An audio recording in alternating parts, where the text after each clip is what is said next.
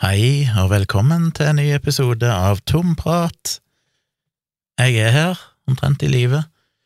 Det er langt på natt som vanlig, natt til tirsdag 15. november. Vi skal til med episode 315. Og hvorfor eh, er jeg nesten ikke i live? Vel, jeg jobber mye. Altfor mye, egentlig. Um, det er dette her med akkurat nå, for en ja, omtrent to timer siden så lanserte vi en ny nettavis, og de ønska litt sånn spesialtilpasninger. Uh, vi har vel to nettaviser, den andre ikke lansert ennå, han ligger bare ute i en beta-versjon og skal vel lanseres på nyåret. Men begge de har jo hatt en del ønsker om tilpasninger og sånn. Jeg nevnte jo det tidligere, at denne her avisen her skulle jo ha et eget kommentarfelt, som jeg syntes var spennende. Jeg jobba sinnssykt lenge med det fuckings kommentarfeltet. Og jeg må bare stoppe en dings her, Logge noe tid her. Stopp. Sånn. Eh, og jeg tror det er blitt bra. Eh, stort sett javascript-basert, som jeg syns er litt eh, moro å jobbe med. Det er jo ikke noe jeg egentlig har gjort så mye. Men det er ganske smooth, tror jeg. Og så kommer du hele tiden på nye ting knapper for moderering, og hvem skal ha tilgang og tilgangsrettigheter, og skal du kunne stenge et kommentarfelt etter at det er kommet kommentarer, skal det stenges helt? Blokkering med svarteliste for å blokkere folk basert på e-post eller IP eller diverse sånne ting. Det er uendelig med ting. Rapporteringsfunksjon, modereringsfunksjoner, votes, der du kan vote kommentarer opp og ned, så kan du velge om man skal sortere de etter popularitet eller etter kronologisk, og så kan alt dette her skrus av og på i avisen hvis ikke de vil bruke voting-systemet. Så kan de deaktivere det, og så videre. Så det er liksom så mange ting som skal inn, og alt skal fungere. Bare sjekke han sitter her og mailer med han uh... Så der, ja. Fikk en uh, mail. Tusen takk, nå skal du få litt velfortjent søvn, skriver han. Ja, det har tatt et par timer etter lansering her med å luke ut noen småbøks i det kommentarsystemet, for det ble jeg jo ferdig med sånn én time før vi lanserte, etter å ha jobba med det i et par uker. Så det måtte jo selvfølgelig være noen småbøks. Ikke så veldig farlig, det er ikke akkurat mye besøk på en splitter ny avis, spesielt midt på natta. Og derfor jeg vil lansere midt på natta, sånn at jeg kan sitte i ro og fred ute i de små timer og fikse småting. Sjekke at abonnementssystemet fungerer, det fungerer, så det går an å kjøpe abonnementer med kreditt eller med bankkort og alt det der. Så jeg tror alt er i orden. Dilemmaet med å, å, sitte ute i de små timer og lansere på natta, det er jo det at uh, du blir ofte sittende ganske seint, og så går en og legger seg, og hvis det da er noen feil, så blir de oftest oppdaga på morgenen når det begynner å bli litt trafikk, og så blir du plutselig vekt tidlig på morgenen igjen, så det blir som regel ikke så mye søvn. Men vi får se. Jeg satser på at uh, det ikke er så fryktelig Det ser ut til å fungere. Eh, så jeg har jobba sinnssykt mye med det i dag. Jeg vil logge en 15-16 timer bare på det kommentarfeltet med arbeidstid. Og så i tillegg har jeg drevet og redigert bildene fra den siste fotoshooten hos Brasserihansken, som jo var en litt annerledes shoot, som jeg vel nevnte tidligere, med skikkelig lyssetting og alt mulig sånn. Og så, lærer en mye av det. Jeg vet jo ikke om jeg var helt fornøyd, men uh, jeg lærte jo litt av hva som fungerer og ikke fungerer, og så hva jeg ville gjort annerledes neste gang. Og så var jeg veldig usikker på hvordan jeg skulle redigere de bildene. Skal jeg gjøre de litt sånn blasse, litt sånn ja, eller skal jeg gjøre de litt mer uh, hard kontrast, litt mer poppete? Jeg gjorde vel egentlig det, for det var hvit duk på bordet, så det ble ganske sånn minimalistisk, mange av bildene, der du nesten bare er kvitt, og så er du maten, som er ganske fargerik, så jeg valgte egentlig en stil der jeg har ganske kraftige farger på en ganske sånn hvit bakgrunn, sånn at de blir litt eh, Ja, jeg vet ikke, jeg håper det funker. Men det har jeg òg gjort, eh, så det har vært mye i tillegg til ting som skal ordnes her. Vi har jo endelig fått en elektriker på besøk. jeg klagde vel på det sist, jeg fikk jo aldri noen elektriker. Den siste jeg hadde maila sist jeg spilte inn podkast, de svarte meg jo iallfall til slutt, heldigvis, men de sa at de var fullbooka ut året, så det var ikke det ble ikke mulig, så da var det sånn shit, nå har jeg prøvd tre forskjellige elektrikere, den første svarte aldri, den andre kom på befaring, og så bare slutta de å svare på mail. Gudene vet hvorfor, den tredje hadde ikke tid, Og så tenkte jeg ah, fuck it, jeg legger det bare ut på anbudstorget. Eh, for det har jeg vel brukt før, jeg tror jeg brukte det når vi skulle ha flyttefirma og sånn, når vi skulle flytte i Oslo og så videre. Så la det ut der, fikk bare én interessert elektriker, og det er kanskje fordi jeg satte en veldig kort frist. Jeg satte liksom, var det én eller to dager frist på å melde interesse, fordi at jeg måtte ha folk til å komme her nå rett over helga og fikse det, for vi får jo en leietager nede i kjelleren på fredag, og da må dette her være ordna. Så det var en som uh, meldte ifra, et elektrikerselskap i uh, Mandal. Skal vi se om jeg uh, sånn i farten bare finner ut hva de heter, for det har jeg allerede glemt. De heter Marnar Elektro AS, og grunnen til at jeg nevner de, er fordi at jeg er veldig fornøyd. Jan Tommy i marnar.no, i Marnar Elektro. Jeg tror de holder til i Mandal, så det er jo et uh, lite stykke unna her, men han gjør sikkert en del jobb rundt forbi på Sørlandet. Jeg vet ikke helt hvem det er, om han er en sånn enkeltperson, driver helt alene, men, uh, eller om de er flere, det aner jeg ikke. Men han kom, da. Han svarte på mailen, han ga meg et pristilbud, klok av skade, så ba jeg om en pris denne gangen, så ikke jeg får noen uhyggelige overraskelser. Han kom når han skulle, på minuttet. Han gjorde en jobb effektivt, kjapt, så ut til å være veldig godt gjennomført. Eh, og når han først var her, så spurte jeg han om å fikse et par ting, det, og, det gjorde han òg, uten å mukke. Og så fikk vi jaggu meg faktura bare en sånn par timer etter han hadde gått herifra. og ikke bare fikk vi faktura, men fikk òg fullt av dokumentasjon med PDF-er på alle sånn Han måtte jo bytte en termostat inn på badet, blant annet, for det har jo ikke hatt noe varme i gulvet på badet på flere måneder. Eh, men jeg merka det egentlig ikke i sommer, da først når det begynte å bli litt kjøligere ute, at jeg begynte å stusse på sånn hm, eh, er det egentlig varme i dette gulvet? Og så viser det seg at termostaten var gående. Eh, men alt sånt, alt, alt, han hadde levert av materiell, til og med kabler og sånne ting, så fikk vi PDF-er som beskrev hver eneste ting. Jeg mener, for de som husker den der grusomme greia for omtrent et år siden med den andre elektrikeren vi hadde når vi flyttet inn her, som jo for det første gjorde en bedriten jobb, overfakturerte, men de fakturerte jo ikke før det var gått mer enn to måneder. Etter at de var ferdig med jobben, så kom endelig faktura. Eh, og en totalt uspesifisert faktura, der det bare sto at de hadde gjort den og den og den tingen, altså bare en pris, uten å spesifisere timer, ingenting materiellbeskrivelser, ingen Ja, bare helt, helt idiotisk. Og dette er jo et stort, gigantisk elektrikerfirma som har avdelinger rundt overalt. Eh, at de kan være så ufattelig uprofesjonelle, var ganske sjokkerende. Men sånn her fyren, som muligens bare er én dude, eller iallfall et lite firma, og relativt nyoppstarta òg, tror jeg. Fakturanummer var iallfall 100093, tror jeg, eller noe sånt, så det betyr vel at de ikke fakturerte så mange. Men der fikk jeg alt, og selvfølgelig alle sånne PDF-er med sånne godkjenninger og ja, hva de kaller det, der de skal være bekrefte at de har godkjent diverse ting som de må gå god for når de har gjort elektrisk arbeid i et hus. Så alt det fikk vi med en gang, og fakturaen som sagt samme dagen. Den er allerede lagt inn til betaling. Eh, til priser som jeg syntes var ok.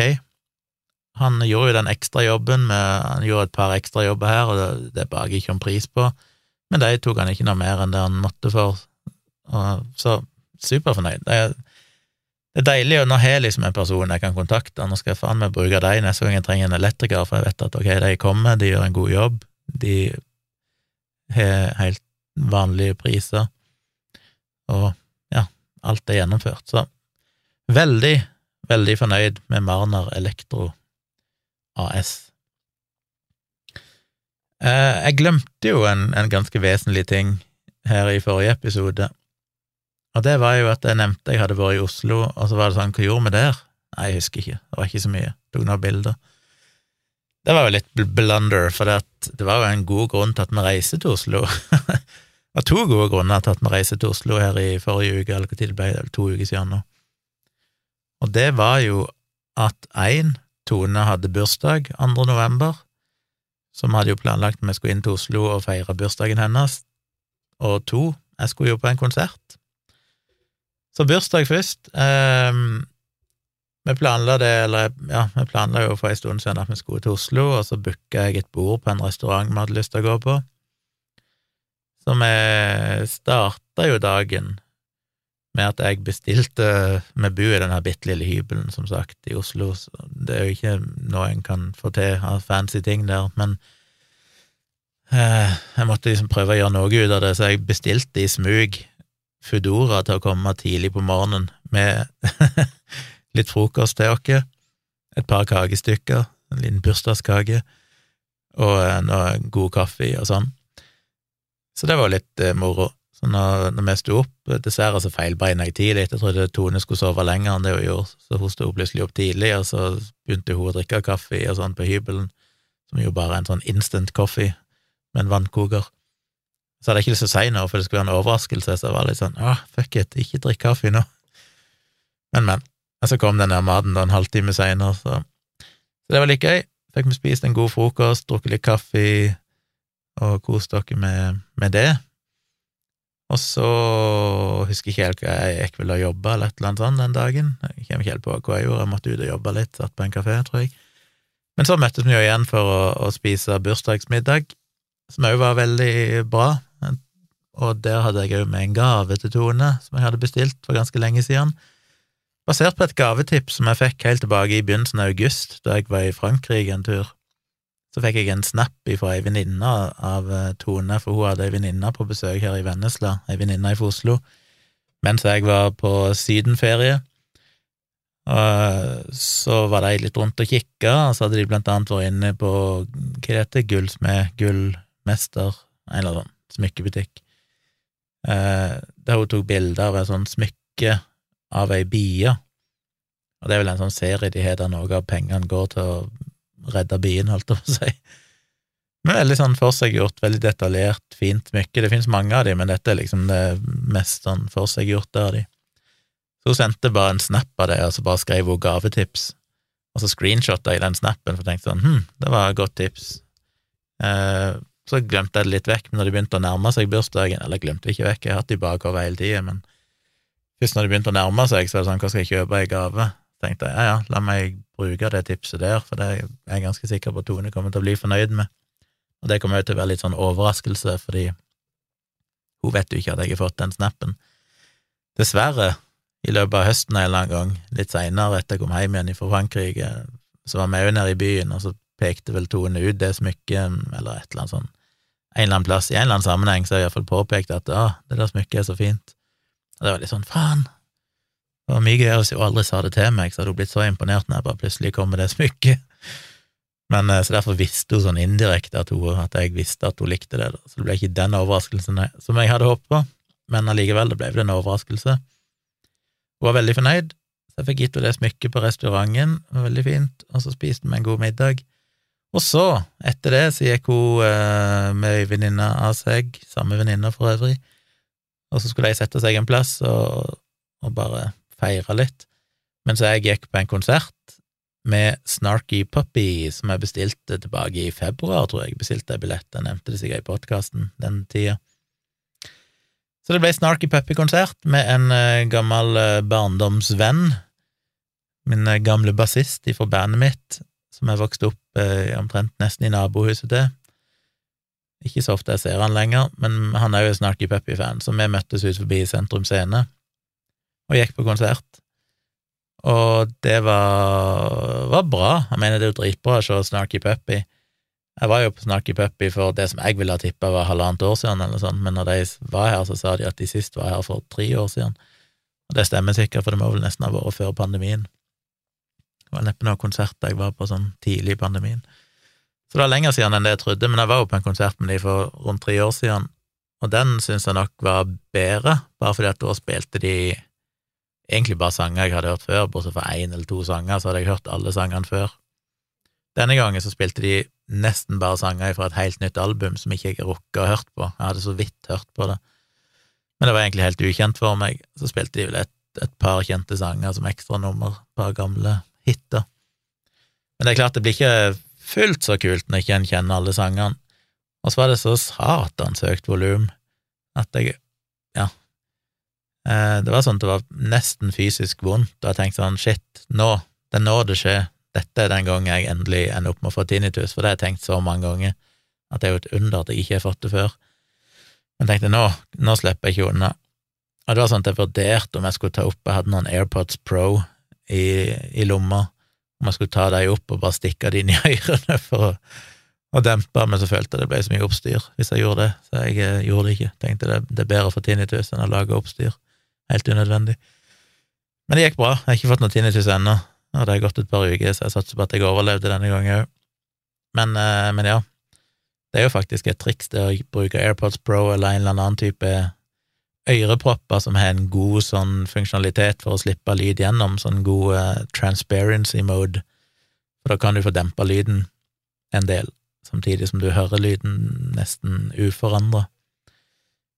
Uh, men jo, jeg er jo fornøyd med konserten. Rett før konserten begynte, så skulle jeg bare en tur på do, og så syntes jeg plutselig jeg hørte noen som sa navnet mitt, nede på herretoalettet nede i Sentrum Scene.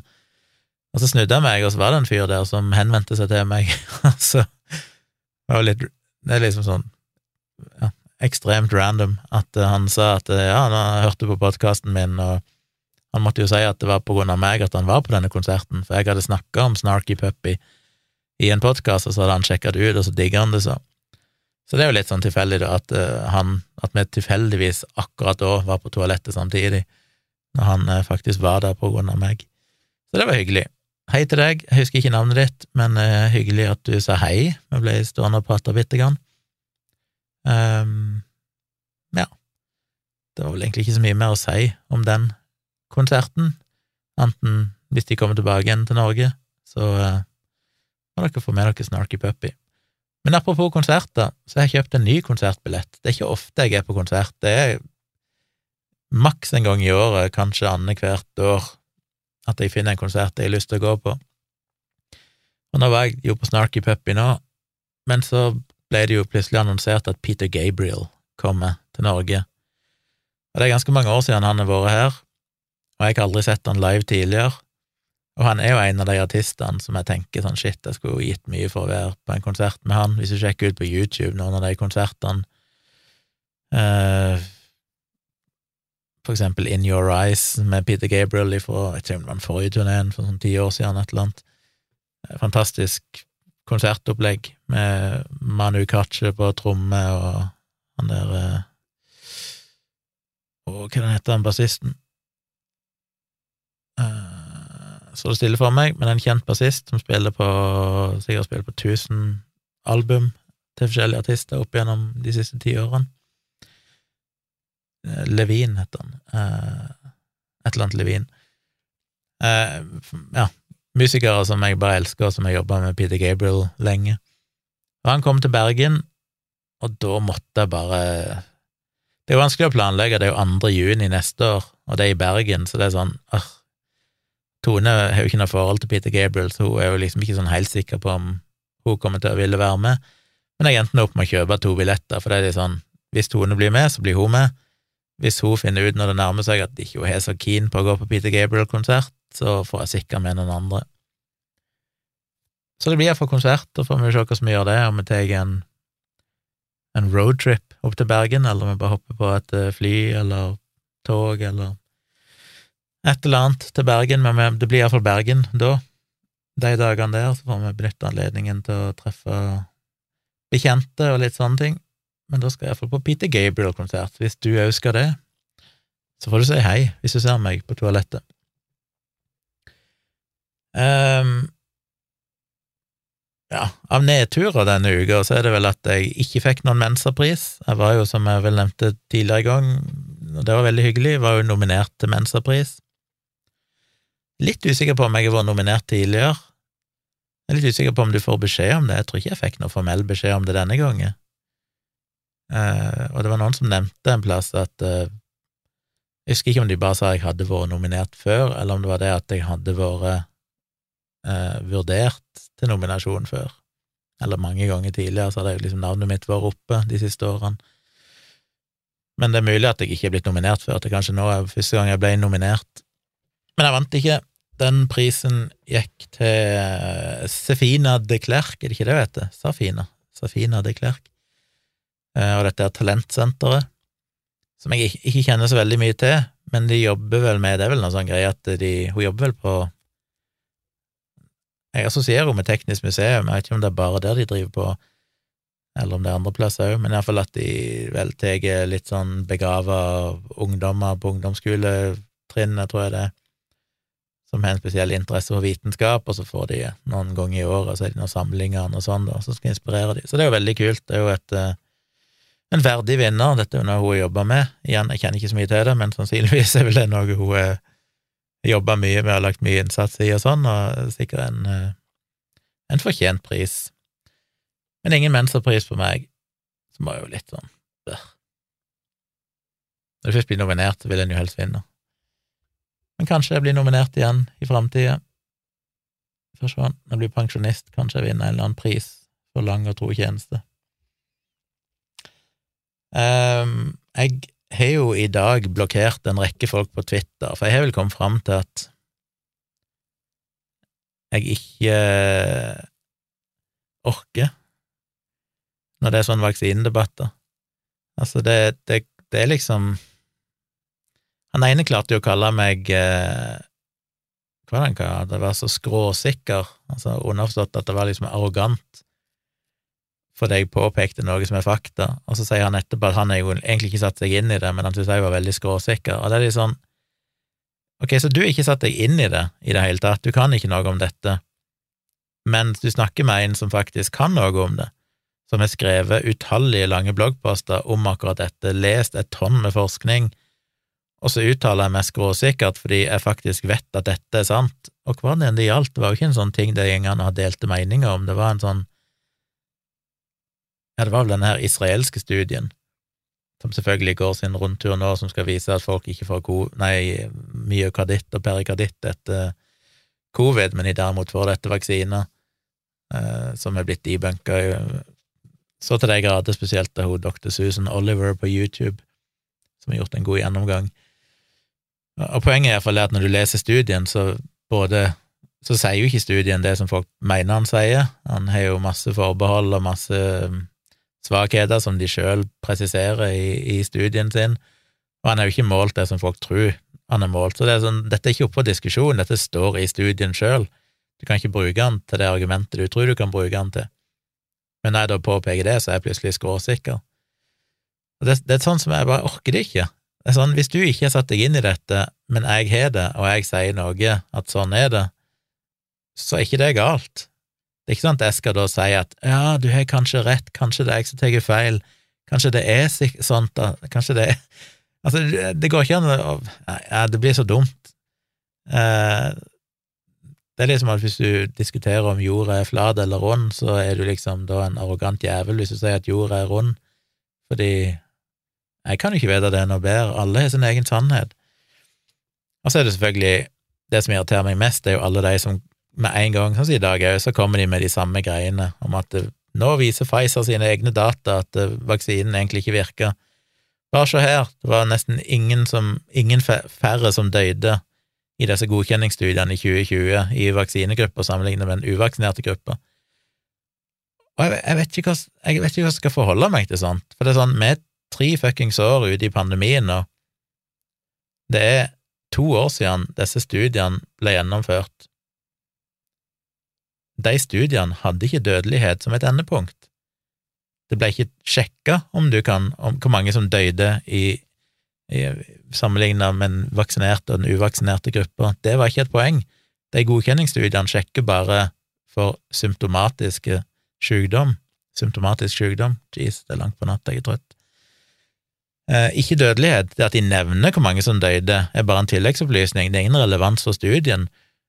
Og som jeg prøvde å forklare i den forrige bloggposten, der jeg gikk gjennom dette med absolutt versus relativ risiko, så ser ikke disse her folkene ut til å skjønne at det er ikke sånn at du kan bare ta én tilfeldig populasjon og konkludere ut ifra det. Disse godkjenningsstudiene på vaksiner ble jo gjort på et tidspunkt der det var et helt annet virus, det var ikke veldig stort smittepress på det tidspunktet, og det var ikke den mest sårbare gruppa. Det er ikke sånn du, Hele poenget med den studien er jo kun å teste om man beskytter deg mot å bli syk, ikke om man beskytter deg mot å dø. Skulle de teste eh, effekten mot dødelighet, så måtte de ha testa den over en mye lengre periode. Det måtte vært mye større risiko for at folk faktisk ble syke i den gruppa som er mest risiko for å dø, videre. Det, det er ikke sterke nok signaler i en sånn studie. Han er ikke designa for å kunne plukke opp den type dødsfall. Og det er sånn, hvis du bare gjør ett lite Google-søk der du skriver et par stikkord, og så fact-check, så får du alt dette forklart. Og det kunne du ha gjort for over et år siden hvis du hadde virkelig brydd deg. Men nei da, høsten 2022 så kommer de med Pfizer sin godkjenningsstudie, bla, bla, bla. Og som jeg skrev i den bloggposten òg, hvor idiotisk er det ikke å komme med denne Pfizers godkjenningsstudie for fuckings 2020, når vi nå har vaksinert flere milliarder mennesker med Pfizer-vaksinen? Og har ekstremt mye bedre data i 2022 enn det vi hadde i 2020. Men de dataene som jo helt utvilsomt viser at vaksinen er beskytta mot enormt mange dødsfall, de er de ikke interessert i. Nei da, de vil se på de eldste dataene vi har fra en studie som ikke sjekker det de bruker studien til å argumentere for. Og det er altså Og så er det alle sånne idiotene som snakker om at uh, vaksinen ikke beskytter mot smitte, som igjen bare er tull, som jeg har forklart utallige ganger. Jo, han beskytter mot smitte, han beskytter vesentlig mindre mot smitte nå, med de nye variantene, enn det han gjorde i starten, men de fleste av de studiene de viser til, er jo, eller eh, diskuterer, er jo fra ei tid der vaksinen fortsatt hjalp mot smitte, og det de ikke ser ut til å skjønne, er jo det at jo, godkjenningsdataen til Pfizer, hvis vi skal bruke den studien igjen, viste jo 95% effektivitet mot uh, symptomatisk sykdom. Uh, mot det, det, var vel det opprinnelige viruset, la oss kalle det Wuhan-varianten. Det er ikke så veldig relevant for det som vi snakker om akkurat nå, men de bruker jo nå data med at ja, nå sier jo til og med myndighetene at ikke vaksinen beskytter noe særlig mot smitte lenger. Ja, de gjør det, men det er jo helt irrelevant for hva som var realiteten i 2020 men de bruker nå den situasjonen som skjer nå, som et slags argument for at så nå innrømmer myndighetene at de egentlig tok feil. Nei, de gjør ikke det! I 2020 så virka vaksinen, eller i 2021, så virka vaksinen veldig godt mot eh, symptomatisk sykdom, men så virka den dårligere og dårligere, både fordi varigheten, eller det, det er godt mange måneder siden de fleste ble vaksinert, og vi har fått nye varianter som ikke vaksinen virker like godt mot når det gjelder smitte. Når det gjelder alvorlig sykdom og død, derimot, så er jo effekten ekstremt høy fortsatt, og det er jo det aller, aller viktigste poenget med de vaksinene. Men igjen, det er det de heller ikke skjønner. Fordi de nå ikke virker så godt mot smitte, så tenker de at dermed er ikke vaksinene nødvendige. Og så kommer det jo en sånn gjøk og jeg skal fortelle meg Dette er jo den der klassiske greia, at de klarer ikke å skjønne hva som er hva, der de sier at nei, til og med Og dette her har jeg hørt så mange ganger, der de sier at til og med Folkehelseinstituttet sier jo nå at det ikke er nødvendig å vaksinere seg. Vaksinene er ikke anbefalt lenger. Jo, det er de. Gjør et fuckings lite Google-søk og sjekk FHI sine nettsider. De skriver eksplisitt at for alle aldersgrupper så er fortsatt grunnvaksinering anbefalt, det vil si de to første dosene.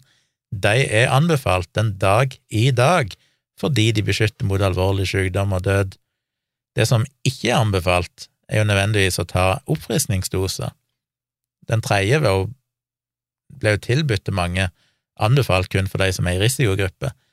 Men igjen så tror de at fordi de ikke anbefaler oppfriskningsdosen, oppfriskingsdosen, så har da FHI innrømt at vaksinene egentlig ikke virker. Altså, de klarer ikke å forstå at det, oppfriskingsdosen er ikke det samme som grunnvaksinering, og tidene har jo endra seg. Men det er altså Alt er svart-hvitt. Det er sånn at med en gang det kommer en ny, en ny uttalelse, et nytt datapunkt på bordet, så betyr at alt som skjedde tidligere, var feil. De skjønner ikke det at nettopp fordi det handler om relativ og absolutt risiko, at det endrer seg avhengig av tid og smittepress i enhver situasjon.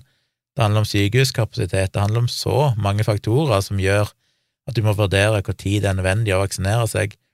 Det er jo hele kjernen i denne AstraZeneca-greia, at akkurat der og da, da vi hadde disse alvorlige bivirkningene som førte til noen dødsfall, så var det riktig å stoppe vaksinen i Norge, men i et helt annet scenario så vil det definitivt være fornuftig å fortsette å vaksinere, selv om noen få kunne ende opp med å dø av den, fordi så mange flere ville dødd hvis de ikke vaksinerte seg. Det kommer helt an på hvor mye smitte det er i samfunnet, det kommer helt an på hvilke varianter det er, det kommer helt an på hvor mange som er grunnvaksinert. Det, det, er så mange faktorer, men de skjønner ikke at dette er liksom et vindu som flytter seg hele tida, og vi må revurdere det hele veien men de tror at fordi det er blitt revurdert nå, så betyr det at alt de sa i 2021 om vaksiner, var feil. Jeg orker det ikke lenger. Altså, det er, det er så komplett idiotisk. Det fins ingen unnskyldning for å sitte høsten 2022 og ikke ha skjønt noen ting som helst, og allikevel bruke hele tida si på å argumentere mot vaksiner. Hele Twitter-feeden til disse folkene er jo bare antivaksine. Altså, det, det, det, er ufattelig at det går an å Jeg vet ikke om det finnes andre felt enn en vaksiner spesifikt, der folk kan engasjere seg over så lang tid og allikevel ikke kunne noen ting om det. For alt de gjør, er jo bare å plukke opp Sånn som den israelske studien kom, ble dunka fram på Twitter som sånn argument mot at Åmli tar feil. Her ser du at eh, myokarditt og perikarditt er en større risiko ved vaksinering enn ikke så er det sånn, vi vet jo hvorfor den israelske studien blir lagt fram, fordi at den akkurat nå går viralt i antivaksinemiljøet. Denne personen ville jo aldri visst om den israelske studien hvis ikke det hadde vært for det, og vedkommende har jo selvfølgelig ikke lest den, og selvfølgelig ikke prøvd å faktasjekke og google stemmer det disse sier. Nei da, det er bare sånn, de, de, finner bare et eller annet, og så er det bare å, å dele det videre og bruke det som et argument. Hver gang det dukker opp noe, så bare snapper de det opp, og så poster de det i neste kommentarfelt som en sånn se her, Altså, man sitter bare og Det er jo ikke vanskelig. Det er jo ikke vanskelig å informere seg sjøl hvis en bare følger lite grann med og bruker lite grann energi på å sjekke er dette egentlig sant, stemmer dette, men de er jo ikke interessert, det er bare så hele tiden følge med på antivaksinekontoer, som jo primært er en, en håndfull med rike alternativjævler og stort sett ellers bare russiske og høyreekstreme botter og og bloggnettverk som driver og sprer den propagandaen. Eh, alt de gjør, er bare sitte og finne det nyeste som kommer derifra, og så bare ja, Nei, det er bare Så det kommer en del sånne idioter, og det er sånn, skal jeg virkelig bruke tid på å forklare de liksom SARS-CoV-2 101 når de har to år på seg til å lære dette sjøl, nesten tre år på seg? Nei, jeg gidder ikke. Og det er jo bare sånn at det har ingenting for seg. Det er jo de samme folkene som driver på ennå, som jeg har svart utallige ganger før, men de beveger seg ikke ett fnugg når det gjelder mengden kunnskap de har tilegna seg om dette temaet, og da blir det sånn. Og det er jo noen som er Jeg vil, vil karakterisere de som antivaksine, men de klarer nå i det minste å ha sånn noenlunde oppegående diskusjoner, der det går an å, å på en måte diskutere mer interessante aspekter. De blokkerer jeg ikke, for det er ikke det at jeg blokkerer ikke folk bare fordi de er uenige med meg, eller fordi de er mot vaksiner, men det er de folkene som bare ikke har noen ting nytt å komme med. Og når jeg da viser gang på gang at dette er feil, og så kommer de i neste tweet, ok, men, og så bare kommer de med noe nytt, uten å, et, uten å bruke en tweet på å si sånn ah, fuck it, jeg tok visst feil, og det, da rakner jo egentlig hele argumentasjonen min, eller det viser at jeg ikke har satt meg inn i dette i det hele tatt. Men det er liksom bare å hoppe til neste tema hele tida, og så går det to uker, og så begynner de på han igjen med de samme påstandene som de allerede innrømte de tok feil om to uker tidligere. Og sånne folk er bare i dag bare blokkert jeg en hel haug. For det er, ikke, ja, det er bare ikke vits i, det gjør bare livet surt. Og jeg tror ikke Jeg når jo ikke fram, og det er jo heller ikke sånn på Twitter som det er kanskje på Facebook, at hvis du svarer noen, så så kan det være interessant for andre å liksom følge med, og kanskje andre lærer noe av å se hva jeg svarer, for eksempel. For der stort sett så ser ikke folk de svarene. Eh, både fordi de drukner i mengden, men også fordi algoritmene til Twitter gjør at det skal mye til at et sånt svar dukker opp i feeden din, når det er en eller annen konspijævel med fire følgere som skriver et eller annet drit til meg, og så svarer jeg han, så blir egentlig ikke den tweeten, det svaret mitt, blir jo knapt synlig noe sted. Så du vinner jo ingenting på det, annet enn eventuelt eksponere deg, altså bare gi deg mer boost. Så det beste er å blokkere over en lav sko, for det er ingenting for seg å faktisk svare dem og prøve å inngå en saklig debatt. I tillegg så er jo ikke Twitter plattformen til det, fordi jeg får jo aldri nok plass til å skrive et skikkelig svar, alt blir jo bare halvveis. Så jeg er blokkert og blokkert og blokkert. Og i den debatten, var det vel, så dukka det selvfølgelig opp denne påstanden med at eh, ja, det var vel han der fuckings Nils med skills, han der jævla idioten av en rapper som er altså så komplett hjernedød, som klarte å dra fram en sånn eh, klassisk jacking off, just asking questions, at det liksom er et eller annet med at å, det er kanskje ikke tilfeldig at de landene som er vaksinert mest, der ser vi nå plutselig en stor overdødelighet. Åh, for det første, flere og flere blir vaksinert, overdødeligheten har vært synkende i ganske lang tid. Hvis det hadde vært en sammenheng, så skulle en jo tro at det ble mer og mer overdødelighet jo flere som ble vaksinert. Det gjør det ikke. Jeg lenker ut en artikkel som jeg skal lenke til i, i shownotes til denne episoden, for de som har lyst til å lese. En ganske grundig gjennomgang der de ser på dette med overdødelighet, og prøver å forklare hva som kan være årsaken til det, og blant annet hvorfor det ikke kan være vaksiner. Blant annet fordi det jeg sa, med at trendene stemmer ikke overens med hverandre, men i tillegg så er det en eller annen dude som har gjort en analyse der han har sett på overdødeligheten i perioden august til oktober i år, altså den perioden vi har hørt mest om, at eh, nå er det plutselig mange som dør. Og så har han sammenligna det med vaksinedekningen og finner da ingen korrelasjon. Det er ikke noe mer overdødelighet i de landene som har høy vaksinedekning, sammenlignet med de landene som har lav vaksinedekning, så det finner ingen sammenheng mellom vaksinedekningen og overdødeligheten i de forskjellige landene.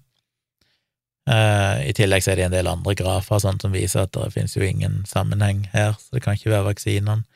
Det ville jo selvfølgelig vært helt absurd, for dette da Da hadde en jo selvfølgelig plukka opp det. Det er litt fascinerende at de samme folkene som sier aha, se på AstraZeneca, det døde fuckings Det var, det var ikke én person engang, det var ei dame i Danmark som hadde daua da norske myndigheter gikk inn og pausa vaksinen, og så døde det noen få nordmenn etterpå. Men når du pauser en vaksine etter ett dødsfall i utlandet som er mistenkelig, og så tror de at det nå dør millioner av mennesker av vaksiner, men myndighetene gjør ingenting. Altså, hva er logikken i det? Hvordan kan de tro at de har et så rigid overvåkingsapparat at de stopper AstraZeneca umiddelbart når de ser at det er mulighet at det kan være en dødelig bivirkning, men samtidig så blir døde folk i hopetall av Pfizer og Moderna, og de har ikke merka noen ting? Det er så idiotisk.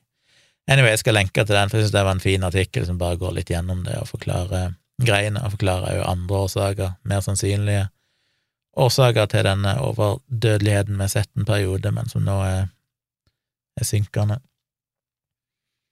Um, ja, jeg skal ikke lage noen lang episode i dag. Det eneste jeg fikk lyst til å si, det var den der fuckings uh, Er det ikke Extinction Extinction Rebellion? Ex Extinction Rebellion Er det ikke de som driver og kaster suppe på malerier og sånne ting? Det er vel uh, suppe Google Extinction Rebellion og suppe.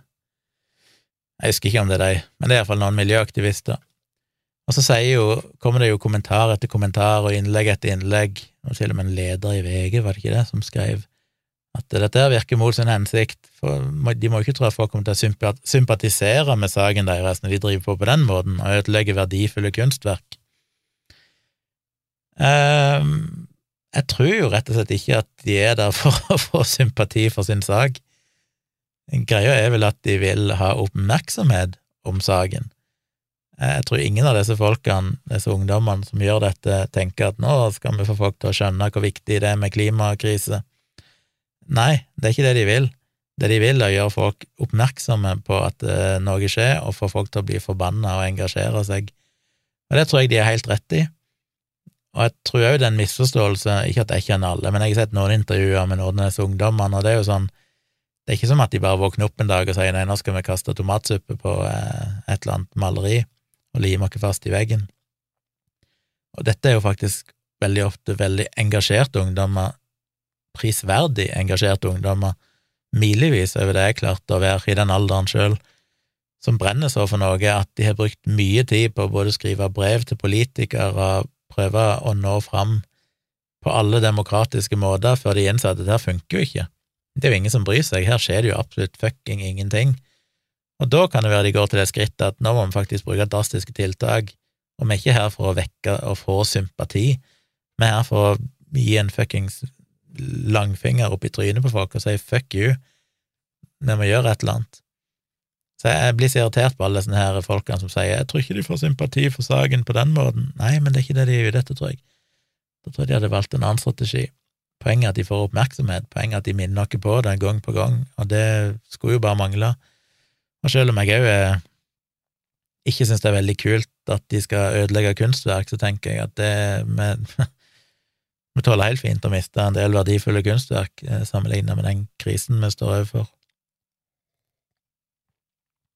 Det er ganske håpløst hvis folk sitter hjemme i sin komfortable stue og tenker nei, det ville vært synd om Mona Lise gikk til spille, og så ikke gidder å gjøre noen ting med, med klima. For det er jo der vi er. Det er jo såpass, det er jo såpass kritisk at uh, Litt som Dag sa i sin forrige podkast, eller kanskje ikke forrige, men en av de siste episodene, så sa han et eller annet med at uh, kanskje det var like greit å bare ikke bry seg så mye. En del av meg er jo litt der. Det er litt sånn, ja ja, jeg har absolutt, absolutt null tro på at vi kommer til å klare å gjøre noe av betydning. Eh, som jeg har sagt i lang tid i podkasten her, det er jo helt latterlig når det har vært snakk om liksom dette med å holde oss under 1,5 grad, som jo er visst i evighet at det er helt umulig. Vi kommer sannsynligvis til å nærme oss tre grader. Men det er liksom ingen av politikerne som egentlig vil ta det inn over seg. De lever fortsatt i den illusjonen at nei, med, med, disse tiltakene så kan vi holde oss under halvannen grad. Fuck you. Det kommer vi aldri til å gjøre. Vi kommer til å nærme oss tre grader, kanskje mer, for det går jo bare helt ræva med alt, og vi kommer til å få et helt helvete om 50 år. Vi kommer til å få et helvete klimamessig lenge før det. Uh, ja, 50 år var lenge. Uh, sannsynligvis allerede innen de neste 20 årene så vil vi oppdage ganske dramatiske ting, ikke bare med klima direkte, men som sagt ustabilitet, kriger, mer høyrevridde populistiske ledere som vil utnytte den trusselen som klimaet kommer til å gjøre med tanke på matmangel og fattigdom og alt dette her. Selvfølgelig skylder det på innvandrere eller homofile eller transpersoner eller sånn, for det funker alltid. Så nei, det kommer til å bli kaos. Jeg er ikke optimistisk, og jeg blir litt sånn Jeg føler ikke jeg kan gjøre noen ting. Eh, jeg kan stemme MDG eller SV eller noen som prøver å bry seg litt, men utover det så er det litt sånn ja ja, vi får bare forholde oss til at vi kommer til å gå inn i en, en ny tid, prøve å gjøre det beste ut av det, og så får vi leve så lenge vi kan. Eh, en går litt i den retningen, rett og slett, at jeg tror livet er bedre hvis en bare tenker sånn ja ja, fuck it. Vi gjør det vi kan, og så bare ikke bekymre seg for mye samtidig, for det går ikke an å, går ikke an å bekymre seg altfor mye, for vi får ikke gjort nok. Vi må innse realitetene. Du må både innse realitetene og samtidig prøve å gjøre det som er fornuftig å gjøre, som primært handler om å jobbe politisk. Så sånn sett, all ære til Extinction Rebellion, som bruker dramatiske tiltak for å vekke folk. Og hvis folk reagerer med at 'å, dere vekker nok ikke sympati', da er de, da er de misforstått. Da er jo de virkelig en del av problemet. Uh, nei, jeg vet ikke. Jeg uh, tror jeg runder av.